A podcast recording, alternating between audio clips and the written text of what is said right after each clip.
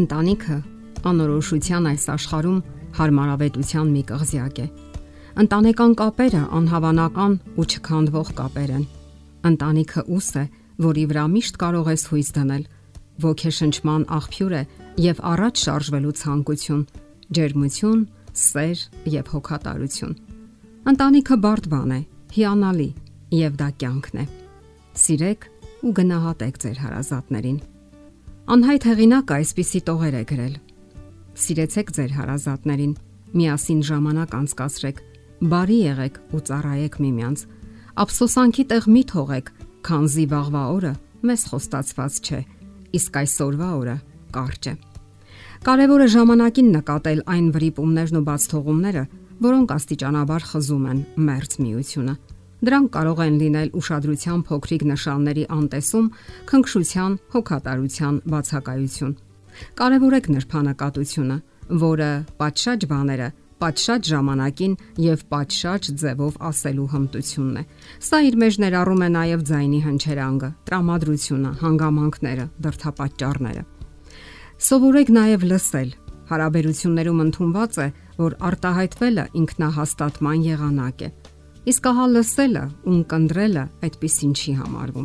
Ահա թե ինչու շատ ավելի հեշտ է խոսել, քան լսել։ Իսկ որտեղ չկա երկխոսություն, առաջանում է հուզական խզում։ Զույգը կհասնի հասունության միայն այն դեպքում, երբ կարողանում է տիրապետել ուրشادիր լսելու արվեստին։ Շատ ընտանիքներում ցավոք խոսքերը փոխարինվում են իրերով ռոմանտիկան, պատասխանատվությամբ, սերը, համբերությամբ ու հանդուրժողականությամբ շատ քչերն են փորձում կատարելության հասնել ընտանեկան հարաբերություններում, ողջ ժամանակը նվիրաբերելով աշխատանքին, մասնագիտական կոչմանը, հասարակական գործունեությանը։ Ժամանակը մտածված ու հավասարակշռված չտեղաբաշխելը առաջացնում է ներդաշնակության խախտում, հարաբերությունների խզում, հրաշալի միության հայելու վրա։ Իսկ ժամանակին չնկատելու եւ միջոցներ չձեռնարկելու դեպքում վերջնական փլուզում։ Հիշենք, որ ամուսնությունը պարտավորությունների այն հանրագումարն է, որ վերաբերում է մարդու ողջ կենսակերպին, գործունեությանն ու հոգեբանությանը։ Յուրաքանչյուր մարդ, ով քիչ թե շատ առողջ միտք ունի, պետք է ջանա, որ իր ամուսնությունը հաջող լինի։ Գուցե դուք հարցնեք, իսկ ինչ կարող ենք անել։ Չէ՞ որ մենք ընդհանրապես մի զույգ ենք այս փոփոխական եւ անհոգի աշխարհում։ Հիշեք, որ դուք այնքան էլ թույլ չեք, որ ոչ մի ազդեցություն չունենաք շրջապատի վրա։ Ամենից առաջ աշխատեք պահպանել ձեր ամուսնությունը։ Երբ դու երջանիկ լինեք, դրանով բարոյական հենարան կծառայեք ձեր բարեկամների եւ լավագույն օրինակ ձեր զավակների համար, օգնելով նրանց ճիշտ կողմնորոշվելու իրենց անձնական կյանքում։ Նույնիսկ հաշվարկներ են արել եւ ողրզել, որ յուրաքանչյուր ամուսնական զույգ ազդեցություն է թողնում մոտավորապես 12 այլ ամուսնական զույգերի վրա։ Եթե գիտակցաբար ձգտենք դրան, աշխարհը կարող է փոխվել։ Մեկ զույգը կարող է ոգեշնչել մյուսներին։ Քանի որ այսօր երջանիկ ամուսնությունները իսկապես բացառիկ են, դուք կարող եք ստեղծել նոր մթնոլորտ ձեր ողջ կենսական տարածքում։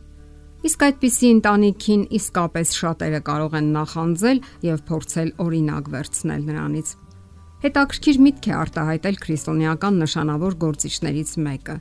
մեկ կարգավորված բարձր իդեալներով առաջնորդվող ընտանիքը քրիստոնեության մասին շատ ավելին է խոսում, քան բոլոր քարոզները։ Շատ ամուսնություններ էլ քայքայվում են դավաճանության պատճառով, երբ կողմերից մեկն իրեն ազատ է համարում ամուսնական ուխտից եւ սկսում է նոր հարաբերություններ որոնել։ Շատերն էլ պնդում են, որ ամուսնության իրական հիմքը սիրային հակումն է, եւ եթե կիրքը մարել է, այլևս իմաստ չունի միասին ապրելը։ Բուրըն զգացումների հանդարտվելը բոլորովին էլ սիրո մահ չի նշանակում։ Հասկանալի է ռոմանտիկայի առաջին շրջանը՝ վարդեր, մոմեր, ճոխընտրիկ, տոնական տրամադրություն, հուզումներ, խորհրդավորի ճանաչում։ Իսկ երբ անցնում է սիրո առաջին շրջանը, գալիս է նորը, ավելի հասունն ու ընդարձակը, ներառելով նոր փորձառություններ ու որակներ, վստահություն, հավատ միմյանց հանդեպ, ավելի խոր շփումներ։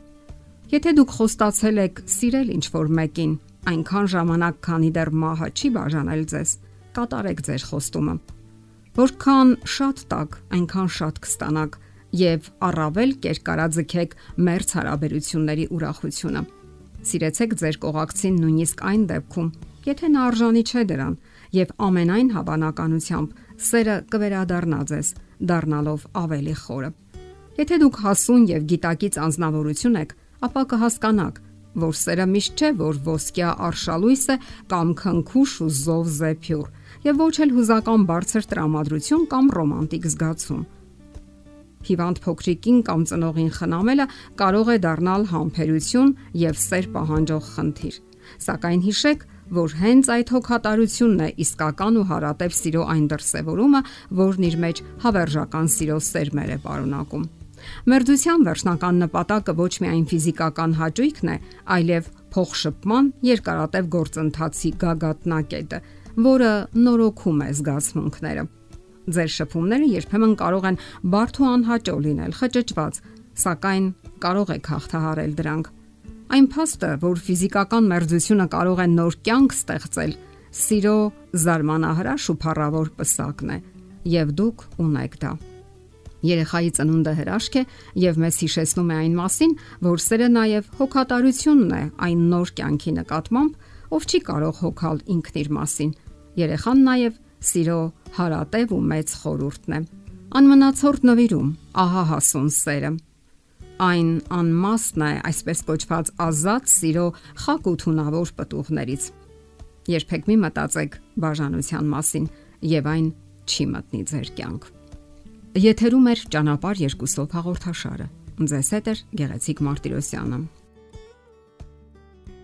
Հարցերի եւ առաջարկությունների դեպքում զանգահարեք 094 08 2093 հեռախոսահամարով։ Հետևեք մեզ hopmedia.am հասցեով։